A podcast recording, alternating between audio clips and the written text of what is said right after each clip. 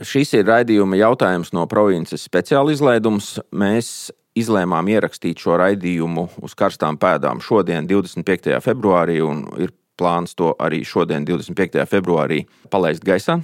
Iemesls, kāpēc mēs esam izlēmuši šo raidījumu rakstīt, ir viens. Galvenokārt viens, tas ir um, pēdējo pāris dienu laikā no visiem televizoriem, visiem radio un visiem internetiem skan stāsti par uh, sankcijām pret uh, agresoru Krieviju un Baltkrieviju. Uh, un uh, viņu sabiedroto Vācijas un Itālijas loma uh, skan vārdi SWIFT, finanšu sankcijas, bankas un viss pārējais. Un šķiet, ka liela daļa no cilvēkiem, kas lieto šos vārdus, iespējams, ka nemaz īsti nezina vai nesaprot, par ko viņi runā un, un ko tas īsti nozīmē. Ko viņi ar to grib teikt. Tāpēc mēs esam sazvanījušies ar uh, Dzintri. Sveiks, Dzintri! Sveiki, sveiki no Ziemeļfrontes flangiem! Un, un, protams, mums neizbēgami ir arī Mārcis, kurš mums ir šodienas raidījumā galvenais ziņotājs. Šo, šeit notiks eksperiments. Mēs ar Dzintri esam tieši tādu pašu vientiešu stāvoklī par šiem jautājumiem, par, par SWIFT un, un sankcijām, par to sāpīgumu iespējamo, vai tieši otrādi nesāpīgumu. Un Mārcis būs tas, kurš mēģinās mums skaidrot. Sveiks, Mārci! Sveiks! Sākšu tomēr ar dzintri. Īsu ziņojumu no ziemeļflanga. Saprotu, ka pūš, bet kāds ir cilvēku noskaņojums un vai tur, kur tu klīsti pa saviem mežiem, randu pļāvām un, un mazajām ieliņām, vai tur arī runā par uh, sankcijām? Vai tu esi dzirdējis?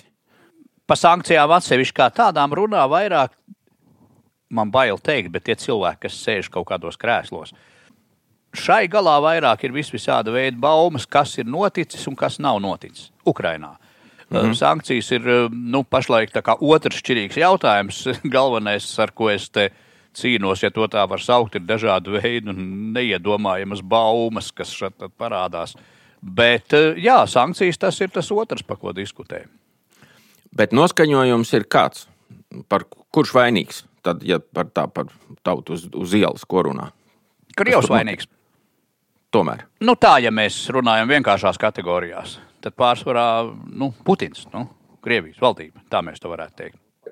Kā mūsu pagājušajā uh, sērijā teica, kā tu citēji vienu savu Jā, uh, ir stiprāks. Jā, amerikānis, jā, amerikānis ir stiprāks, krievs ir tuvāk. Labi, Mārcis, tev mēs nejautāsim, kā tev tur pūš, tu esi visu dienu pavadījis, uh, gatavojoties šim. Varbūt uh, sāc no tās vietas, no kuras tu vēlētos sākt, no kuras tu uzskati par nepieciešamu.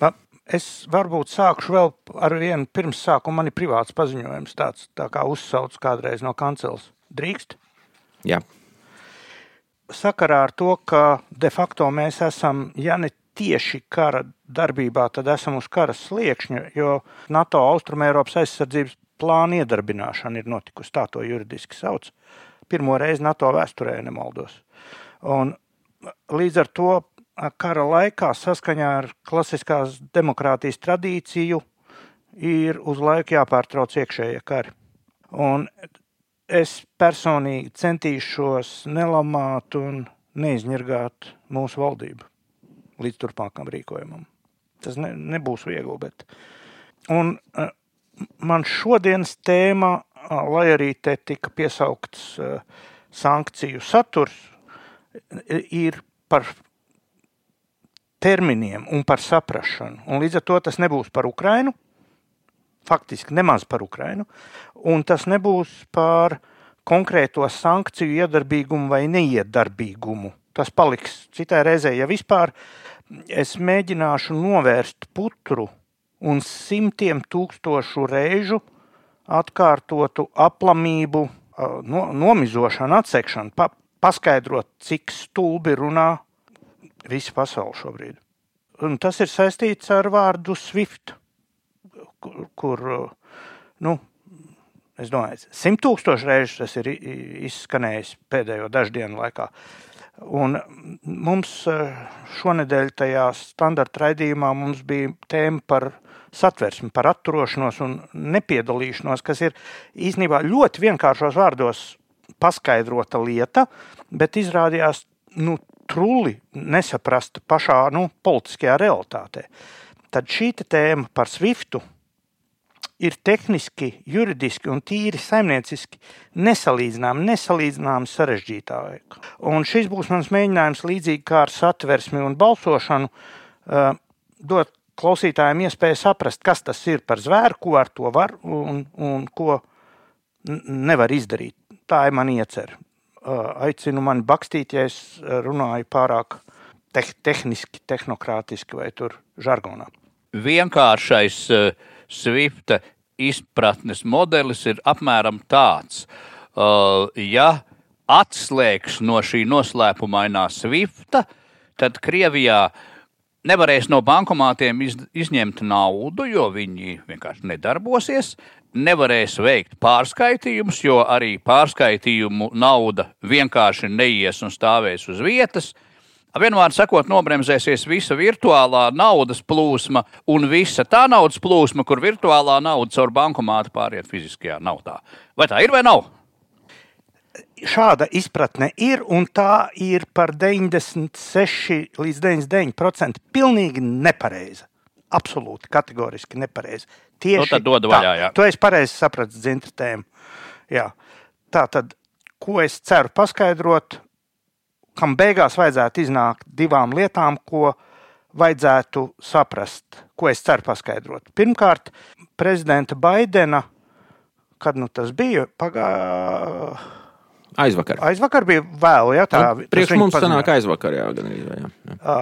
Tā tad viņš paziņoja par sankcijām un deva vārdu žurnālistiem. Un tur, protams, bija jautājumi, kāpēc no SWIFT neatslēdz?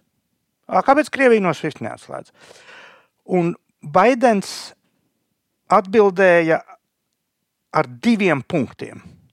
Pasvītroja ar diviem punktiem. Pirmais bija, ka mūsu, viņu amerikāņu sankcijas ir daudz, daudz smagākas. Viņa pirmais punkts. Un otrais punkts, ka nav vienošanās par to atslēgšanu. Eiropa negribot. Nu, viņš ne, nesauc Eiropu vārdā, bet nu, viņš teica, nav vienošanās. Un Un es to es ceru paskaidrot šos abus punktus, it īpaši to pirmo. Un tas, ko es nevēlos paskaidrot, kāpēc vācieši ir tādi nelieši, es domāju, tas katram būs jāsaprot pašam, nu tā, kas vēl nav sapratis. Ja? E, un tagad es sākšu iztālēm. Pirmkārt, mans lozungs pēdējo laiku, kas strauji uzgājis ir e, pie vadošajiem, ko es lietoju, ir aplama runāšana, mēdz, var un bieži noved pie aplams domāšanas. Tik ilgi runā blēņas, kamēr sāk domāt blēņas. Uz to starp citu visi Gebels schēma balstās. Tikmēr melo, kamēr notic tiem meliem. Otrā lieta ir, es mēģināšu atsaukt atmiņā mūsu klausītāju tai paudzei, kas ir uh, padomu laikā ar naudu kaut ko darījuši.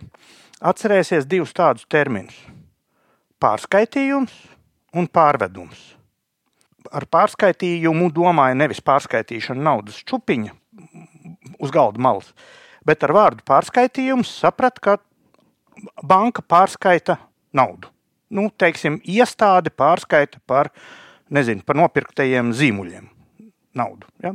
Tas ir pārskaitījums. Un pār, ar vārdu pārvedums, kas ir vispār rusicisms un, un pēc būtības uzskatāms par sovietu žargonu, saprata naudas nosūtīšanu, ka privātpersona sūta privātpersonai naudu perevodom, počtovim perevodom ar pasta pārvedumu. Tā tad aizpild blanku pastā, nodod pie lodziņa, sūta tur 10 rubļus eh, studentam uz Rīgu un, un iemaksā tos 10 rubļus kasē, saņem kvīti. Eh, students Rīgā pastā saņem pārveduma zīmi, tādu nepārāk lielu tādu puspaskartes lielumā iet uz pastu, parāda to, parāda savu pasi, ka tas ir viņam, viņam to pārvedumu zīmi atņem un iedod 10 rubļus. To sauc par pārvedumu. Šīs te terminoloģija, pārvedums, ir radījusi man pašam galu galā vēl, nu, vēlīnā skolnieka agrīnos studentu gados, nepareizu priekšstatu, ka tā nauda tiek pārvesta ar vešanu ka viņi ved kāds to naudu. Šis būtu svarīgi turpmākai saprašanai, ka ne pārskaitījumā, ne pārvedumā neviens naudu neved. Tas, ko aizved pasts, ir šo te apzīmogoto, pārbaudīto pasaknīti, to mazo pastkartes gabaliņu. To aizved, bet naudu es iemaksāju talsos, un tā nauda paliek talsos. Un, ja to naudu izņem Rīgā, viņi izņem no Rīgas, kas pati nauda nekur nebrauc.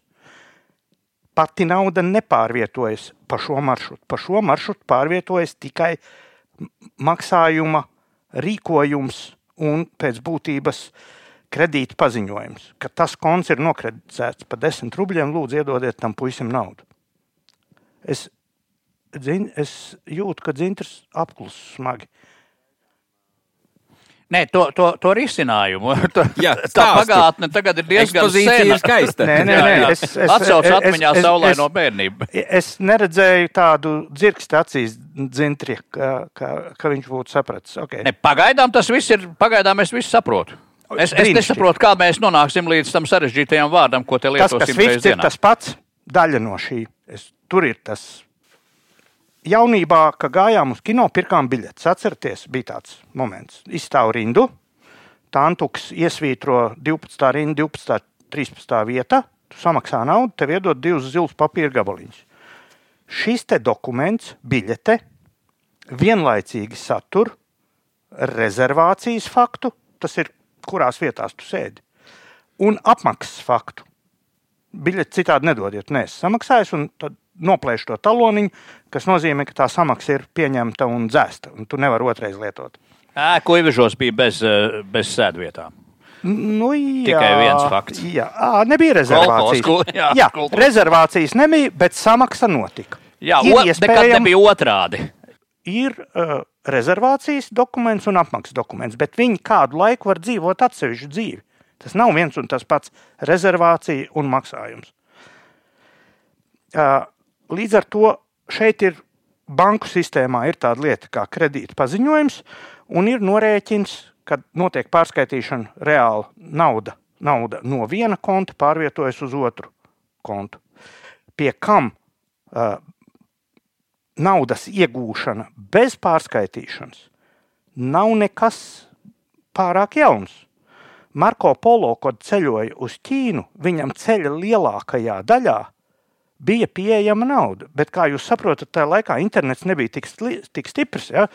Agrīnā renaissance laikā, un kredītkartes viņam arī bija diezgan aizdomīgas. Tam Marko Polo viņš blēdīgs tips bija vispār no dabas. Un, un, bet viņam bija viņam kredīt- bija kaut kāds ķēzara zīmoks, ko viņš Viņam rādīja? bija, viss? nē, viņam bija ebreju banķieru kredītvēstules. Pa visu to ceļu bija banķieri, sīriešu, Sīrijā dzīvojošo ebreju uh, Safras kunga priekšteču. Naudas mājas, nu, mīļēji un tā tālāk. Viņš rādīja to vēstuli, parakstīja papīru šurp turp, viņi nokārtoja. Viņš dabūja savus timpus vai ko nu tur vēl un gāja tālāk. Un to atzina tā- pat Ķīnā un kaut kur tur, nezinu, kur kaut kādos Līdz, nu, gan līdz Ķīnai. Nu, lielāko daļu viņam bija tās kredītvēstules, bija funkcionējošas. Tas ir. Šeit bija kredītrīkojums bez naudas pārskaitīšanas. Tas ir absolūti normāli. Es pievēršu uzmanību. Kā notiek norēķini starp bankām, ja viņi neved maisus ar naudu? Tad tas notiek ar korespondentu kontu palīdzību. Vai dzirdējuši esat tādu vārdu? Jā, nevar būt. Ir konts un ir korespondenta konts. Tas ir kaut kas zemāks. Nē, tas ir bezgalīgi augstāks. Konts ir rindiņa par tevi tavā bankā. Nu, man ir Viņiem kaut kāds viens, divi, trīs, un tur tā ir un kaut tā. kāds numurs Jā. rakstīts dzintrim, ir diemžēl mīnus 400 vairāk nedot. Jā. Nu, kaut kas tāds. Bet šī te pati banka, kurā ir tavs konts, atver kontu Vācijā, Frankfurtē, Deutsche Bank. Un Deutsche Bank atver kontu pie tavas bankas. Piemēram, tā ir pilnā kredīta eh, ko, uh, korespondentu kontu sistēma. Un tad ir tā, ka ja dzintris grib maksāt, uh, kompensēt Frankfurtē par meitenēm šampānietu un baltu pulverīti kaut ko draugam savam. Tad parasti tas ir skaidrā naudā. Nē, bet tu esi atbraucis šeit. Tagad. Jā. Nu, Tev skaidri nauda tur ir palīdzējuši atbrīvoties, un tu esi tūkstot parādā vēl. Tu tagad tev ir iedots konta numurs, uz kuru jāskaita. Un tur raksti, mīļā mana banka, aizskaitiet lūdzu uz Frankfurti, uh, tur Joachimam, uh, 1000 eiro par meitenēm un šampānieti. A, konts viņam ir Frankfurtē, bet Komercbanka, nevis Deutsche Bank. Tad kā notiek tā darbība?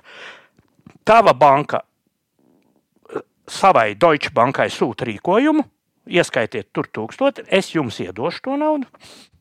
Un Deutsche Bankai ir attiecības ar Komercbanku, un viņas savstarpēji vācu sistēmā noklīrējas. Pa taisno vai kā citādi. Tas ir, tās ir attiecības starp divām bankām. Un es pievēršu uzmanību, ka šī sistēma ir simtiem gadu veca. Sistēma ar korespondentu kontiem un attiecībām starp bankām ir tikpat senas kā pašas bankas. Mūsdienu bankas ir apmēram nu, 400 gadu tai vēsturē, apmēram šādu veidu bankingam, kurā ir starp visu citu dokumentārie norēķini, dokumentārais kredīts un klīrings. Un, un tas strādā bez jebkādiem swiftiem. Es pievēršu Bet, piedod, korespondentu konts, tas jau pieder bankai, nevis man. Pareizi. Jā, tieši tā. Tieši tāpat kā tev šķiet, ka tev ir nauda bankā, mēs drusku novirzamies, un Jurks varbūt šito izrediģēs. Noteikti izredzēt. Tev šķiet, ka tev ir bankā nauda. Tu taču tā saki. Tev nav bankā naudas. Nu, ja tu tā saki, tad man viņas nav tur. Nē, nē, nē. Tu uzrādi izziņu, reku banka man saka, jūsu kontā ir plus Nu nu, jā. 400. Un tu vari teikt, "Nu, man bankā ir 400. Nē, juridiski bankai ir saistības pret tevi par 400. Un tev ir prasība pret banku par 400. Bet pati bankas nauda stāv Latvijas bankā. Izsekoja Ok. okay. domu, pagrūti. Jā, jā, jā, jā. Nē, nē, nu bet viss. tas, Un banka tavā vārdā norēķinās. Viņa pilda tavas prasības un savas saistības pret tevi. Ja nauda ir, ja nauda pietrūkstās, tad gadās, nu, kā Latvijā nereiz vien ir gadījies. Okay. Tā tad klīringu attiecīgās nacionālās valūtas klīringa sistēmas ir A, Kas ir dažādas. klīrings? Klīrings ir tāds, ka uh, tava No banka klīrēties. Un mana banka, jā, klīrējās. Tas ir tā vietā, lai visu laiku skaitītu caur Latvijas banku to naudu turp un atpakaļ. Nu, jo viņai lielai bankai varētu būt simti tūkstoši transakciju dienā. Un desmit tūkstoši ir ar vienu konkrētu banku, un tai otrai ar pirmo arī ir desmit tūkstoši. Tā dienas beigās saskaita tikai to atlikumu. Tā Starpību. starpību. Tas ir tā vietā, lai skaitītu tavu simtu prom un kāda cita simtu atpakaļ. Nedara neko, vienkārši vienošanās līdz zināmai summai, ka dienas beigās apskatīs kuram skaitļus. Un tas ir Jā. klīri- kli- Tas ir klīrings. klīrings. Tas ir klīrings. Un uh, Amerikas lielāko klīringu sauc CHIPS. Uh, ļoti sena uh, organizācija, uh, apmēram 1,8 triljonu dolāru visādi štelis pa dienu. Tur notiek, nu, lai būtu skaidrs, jā, apmēram. Un lielās dolāru štelis iet caur turieni.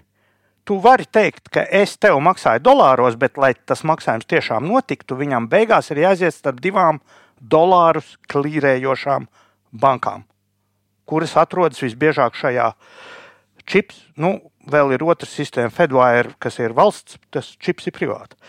Tāpat kā Eiropas klīrings ir sauc EBA, EBA. Uh, un, un tajā notiek visi eiro darījumu klīringi. Līdz ar to, lai būtu klīrings, ir jābūt kontiem, starp kuriem var notikt, lai un tos, lai notiktu startautisks maksājums. Un tos sauc, tās sauc par maksājuma sistēmām. Lai maksājums varētu notikt, ir jābūt arī informācijai, kā toreiz pastāv. Tu iemaksā naudu, tas ir maksājums. Informācija pelēka kartoniņa veidā aiziet saņēmējam. Saņēmējs drošības sistēmas ietvaros identificējas ar pasi, ka tas ir viņš, un maksājums tiek pabeigts tur. Viss gatavs. Tā tad es centos apstāstīt, ka maksāšana sastāv no naudas kustības un no informācijas kustības, kas ir divas atšķirīgas, lai arī visbiežāk saistītas lietas. Tātad, kas ir SWIFT, ko tas dara un ko tas nedara? SWIFT ir kooperatīvs, kooperatīva biedrība, privāta kooperatīva biedrība. SWIFT ir saīsinājums Society for World, Worldwide Interbank Financial Telecommunication. Ja, pat viņas nosaukumā ir redzams, ka tur nav neviena vārda par paymentu vai clearingu, bet tikai telekomunikācija. Tajā ir iekļauti, vien, biedru skaits ir ap 11,000 šobrīd šajā organizācijā. Tas varētu šķisties ārprātīgs skaitlis, bet starp visu citu pasaulē reģistrētu legālu banku vien ir nu, 25,000. Amerikas Savienoto Valstu teritorijā atsevišķi operējoša banka nodaļa ir ap 6,000 tikai Amerikā. Ja. Tāda 11,000 izklausās daudz, bet tā nav pat puse no visām pasaules bankām. Bet tiem SWIFT biedriem, tad nu, tie būtībā tās ir bankas, 11,000 bankas. Bankas un, viņām... un bankām līd, pielīdzināt. Nu, tur Jā. lielie brokeri, kantori, investori, tur iespējams pat apdrošinātāji kaut kādi tur iekšā. Uh, un te ir viens svarīgs punkts, kam bija gandrīz viss tas lielais iepriekšējais penters. Tā rindkopa, no kuras es tagad citēšu, ir tikai atradās man angļu tekstos latviešu Wikipēdijas tekstā par Swiftu šī te teikuma nav. To vai nu nav sapratuši, ka tas ir svarīgi, vai vienkārši nolēmuši ietaupīt. Swifts nenodrošina fondu transferu, fondu pārsūtīšanu. Tas pārsūta tikai maksāšanas uzdevumus, kuri ir jāsakārto, jānoklīrē caur korespondentu kontu sistēmu, kuras jau ir izveidots starp attiecīgajām institūcijām. Tas ir. Bankas veids savus starptautiskos norēķinus caur kontu sistēmu, caur korespondentu kontu sistēmu. Savukārt caur SWIFT iet informācija. Un starptautiskie norēķini ir pilnīgi iespējami bez SWIFT. Lai arī tas SWIFT ir standarts, pamatstandarts, kā visbiežāk tas notiek. Pamatā drošības apsvērumu dēļ un standartizācijas dēļ, bet nevis totālas nepieciešamības dēļ. Pagaidiet, un, uh, un tam Swiftam, kā jau jebkuram kooperatīvam, viņam ir kaut kāds direktors vai priekšnieks. Ne? Jā, jā. A, to viņi zina. Šito jauno vairs nezinu, ir nu, tomēr 30 gadi pagājuši gandrīz. Uh, A, tur ir kaut kāds vecis vai vecene, piedod. Uh, Nu, tā viņai varētu Vairāk. prasīt. jā, Vairāk. nu jā, klausieties, Vairāk. kas tur. Jūs tur taisīsiet to sankciju pret Krieviju vai netaisīsiet? Un viņš Viņu pateiks, kas lūdzu Krieviju mēs nepazīstam. Tur jau tas punkts. Krievija ah. nav nekādā veidā saistīta ar Swiftu. Bet viņš dirž, ka nepazīst. Nu, nu kā viņš nezina Krieviju? Nu, tas, tāds, tas ir drusku tāds tomēr tāda eklektika. Ne? Nu, es zinu, Krieviju, Ķīnu. Nu, pat, pat mans te pie veikala tie džeki zina lielākās valsts. Jā, Kur tad nu vēl jā. Swift direktors? Jā, Swift direktors var pateikt, mēs nosodām. Bet ko jūs lūdzu no mums gribat? Izslēgt biedrus? Tur ir kopsapulcs vajadzīgi, uz kādu pamatu izslēgt. Tie biedri neko sliktu nav darījuši, kamēr man nav pateikts, ka tieši šie biedri kaut ko sliktu. Tas nav tā kā izslēgt no federācijas Krieviju, no, tur, nezinu, no, no hokeja federācijas. Ja? Jo tur Krievija piedalās vai ANO, vai tādu nu, no Eiropas padomus grib Krieviju izslēgt. Krievija ir biedris. Kā padomē, valsts? Kā valsts.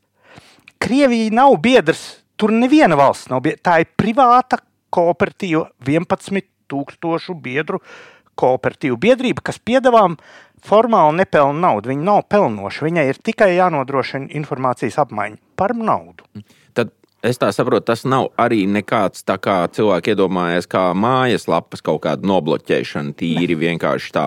Eh, tu kaut kādu serveri atnāc ar rīkojumu, izslēdz vienu serveru un viss tas apstājās. Tas nav tik vienkārši. Tas galīgi nav tik vienkārši. Tīri tehniski. Swifts neapkalpo valstis, Swifts apkalpo bankas. Tātad Avenkungs, piemēram, varētu būt tur kaut kāds. Biedris. Jā, un, un kaut kādā brīdī iespējams Swifts var nolemt, ka neapkalpot tās bankas, nobloķēt tos banku pieejas kodus, kuriem ir amerikāņu sankcijas. Bet arī ar no, nobloķētu kontu, es pie, SWIFT ar SWIFT kodu nobloķētu. Ja? Tas atceļ tev iespēju sūtīt informāciju caur SWIFT sistēmu, bet nekādi neietekmē tavu naudu.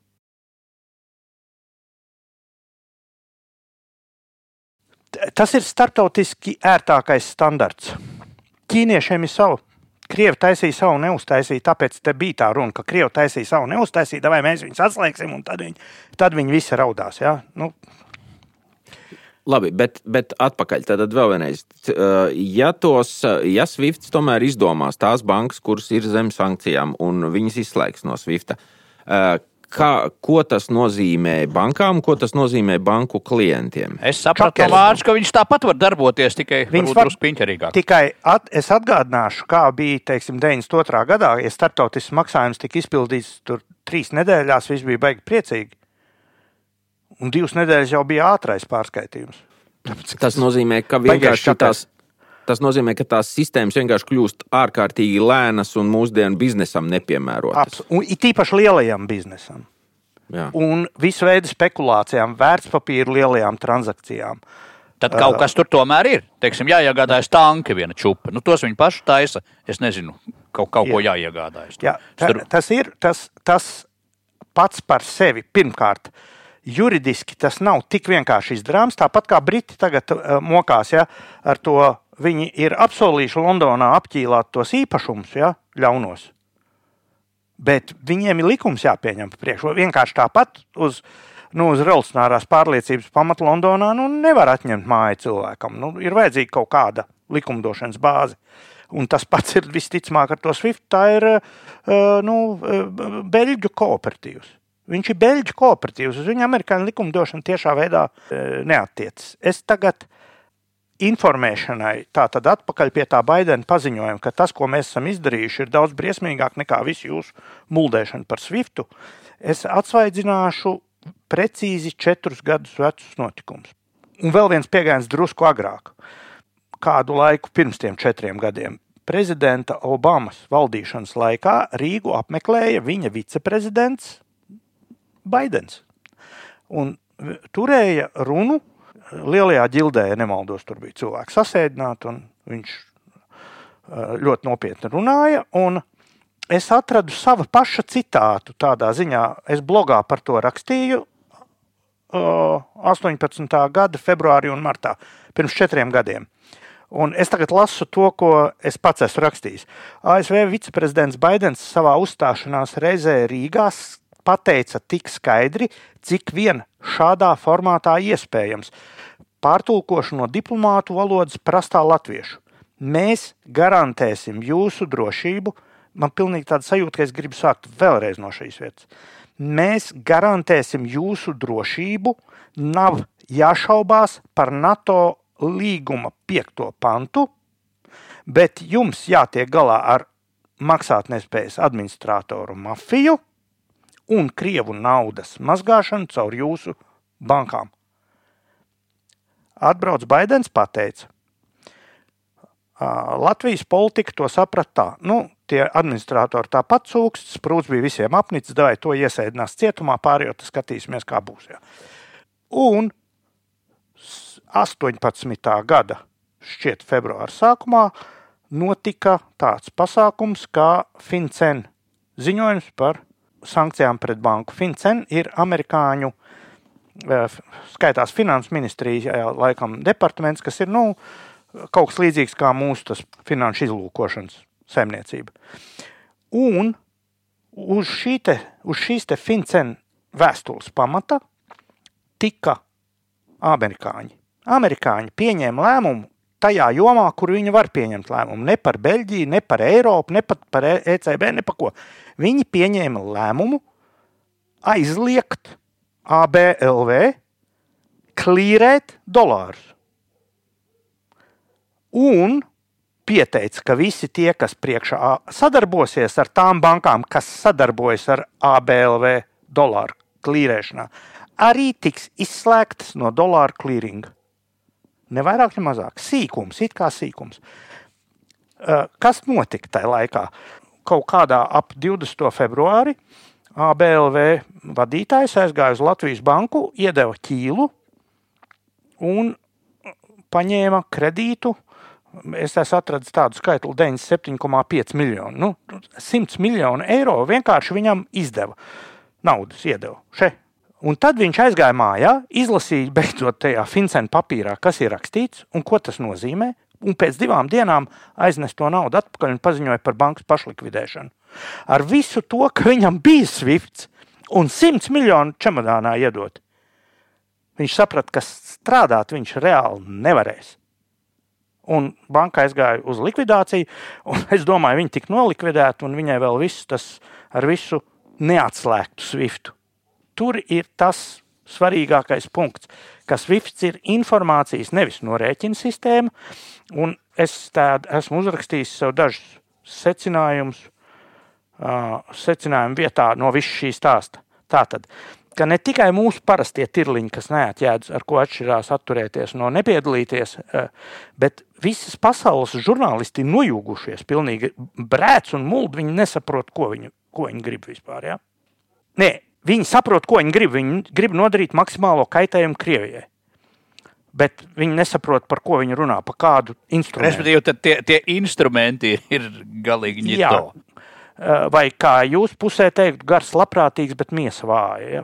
Tas, nē, tas gan bija par veco taizeli. Tas bija tur otrā pusē. Mūsu pusē tā nesaka. Jā, jā. Nu, labi. Jā, Tālāk, es personīgi, tad, es personīgi, es personīgi, es esmu par vis, viskrasākajām sankcijām pret Krieviju. Ja tur var bankām nogriezt SWIFT, nogrieziet, man pēc nogrieziet viņiem telefons, izsli, no, no, no Krievijas GSM kodu anihilēt. O, tad būtu, o, tās būtu sankcijas. Un ko tas maksā? Neko. Ņem un atņem kodu un viss dereģistrē un zvana, kā grib tālāk. A, kas ir kodu turētājs? Ko? Startautiskā kodu kaut kāda biedrība ir. Kas viņš izdara? Nu, redzi, vienu mēs atradām iespēju anulēt kodu. Piemēram, es to kā piemēru. Man, manās acīs neviena sankcija nebūtu par krasu. Bet tā Swift atslēgšana ir daudz. Nu, Baidenam šoreiz ir taisnība. Un ar, ar, jā, zin.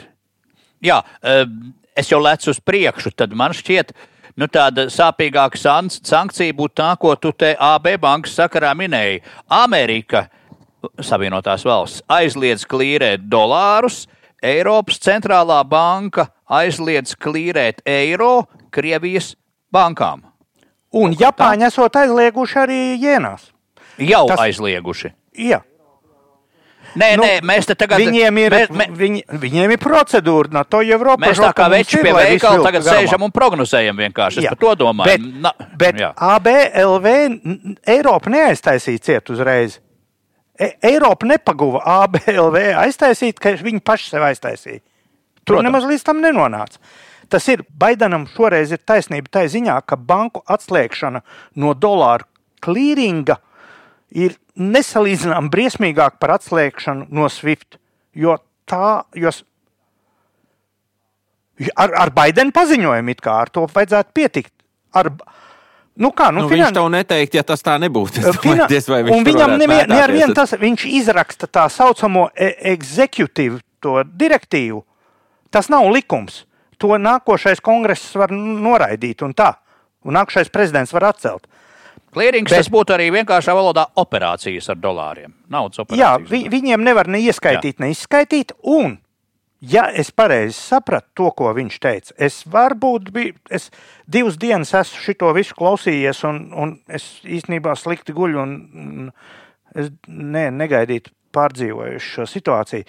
Bet, ja es pareizi sapratu Baidena teikto, tad šīm te piecām bankām ir arī arestēti aktīvi, dolāra aktīvi ir vienkārši jā. nauda atņemta. Tā viņš teica. Tā viņš Tas teica, ir. Te, jo ABLV jau tajā brīdī pat neatņēma to naudu. Nu, varbūt pieturēja. Ar šitiem vienkārši šmikt. Nu, kāds svifts ir pret to? Eiropas, vienkārši... Eiropas, eh, piedod, Eiropas eh, banka, nu, centrālā banka, laikam, tā tur fīrē šīs lietas. Tā vēl neko tā kā nav izteikusies. Es, es, es, es, bija naktī Vanderlajens preses konferences šito nakti burtiski trijos naktī. Nu, iepriekšējo nu, naktī, jā. Es nē, nē, šito. Nekas konkrēts. Tur Bet viņa zvērēja, ka viņi to darīs. Viņi, viņi zvērēja. Viņi zvērēja. Nu, labi, cik vi, viņi, kā zināms, ir uh, cieta kā uh, pavasarī uz siltu, siltu lietu izlīgus liek vai ne tādu cietu un ne, nelokām. Uh, Un viens no secinājumiem, vēl pabeidzot, ir tas, ka, ja tas viss notiek, jo tā amerikāņu stēla notiks, es, es tā saprotu, jau ir notikusi, Eiropas hudu bednu kaut kā iespējams notiks. Briti jau izdarīja. Briti jau, jā, jā, Briti jau. Tad kas notiks ar to? Krievi pāries uz ķīniešu norēķinu sistēmām, iespējams uz gan informatīvajām, gan, gan klīringu, un tā tad mums būs pie zilups, mums drīz vien būs de facto robeža ar Ķīnu. Mārci, robeža ar Ķīnu tas skan ļoti iedvesmojoši, bet es vēl drusku atpakaļ precizējumu. Skaidrs, ka tām Krievu bankām, kurām Baidens neļauj klīrēt vai, vai norēķināties dolāros un vēl iesaldē vai atņem viņu aktīvus, ir ļoti slikti. Kā tavuprāt, tas atsaucās uz Krieviju kā valsti? Jo, nu, skaidrs, tā VTB banka ir tā, tā kā valsts banka. Viņa jā, tā kā pieder jā. valstī. Tur ir vēl citas, tur ir Sberbanka un kādas tur vēl. Bet kā tas, cik tas ir sāpīgs trieciens Krievijai? Kāda, nu, tavs minējums? Skaidrs, ka tu tur ļoti nezini, sāpīgs. Tur nav... Ļoti cik, sāpīgs, cik bet, ļoti? bet ne zibenīgs. Tur ir tā cilvēka vēlēšanās apēst tableti un kļūst uzreiz slaidam un skaistam. Ja? Bet vai tas, eh, nu, ja, eh, kā man tur tas viens pas, pasniedzējs teica, cenšaties domāt sistēmiski, sistēmiski studenti, idioti. Proti, tādā gadījumā Dobremzējas samaksa par gāzi un, un Eiropieši var drusku tā kā salt. Un te, te, te ir, te ir tā, tas, kāpēc vācieši tur tā ar to Swiftu tā nepārāk, jo viņi jau viņi domā, ka viņi caur Swiftu maksā. Maksājot caur ECB.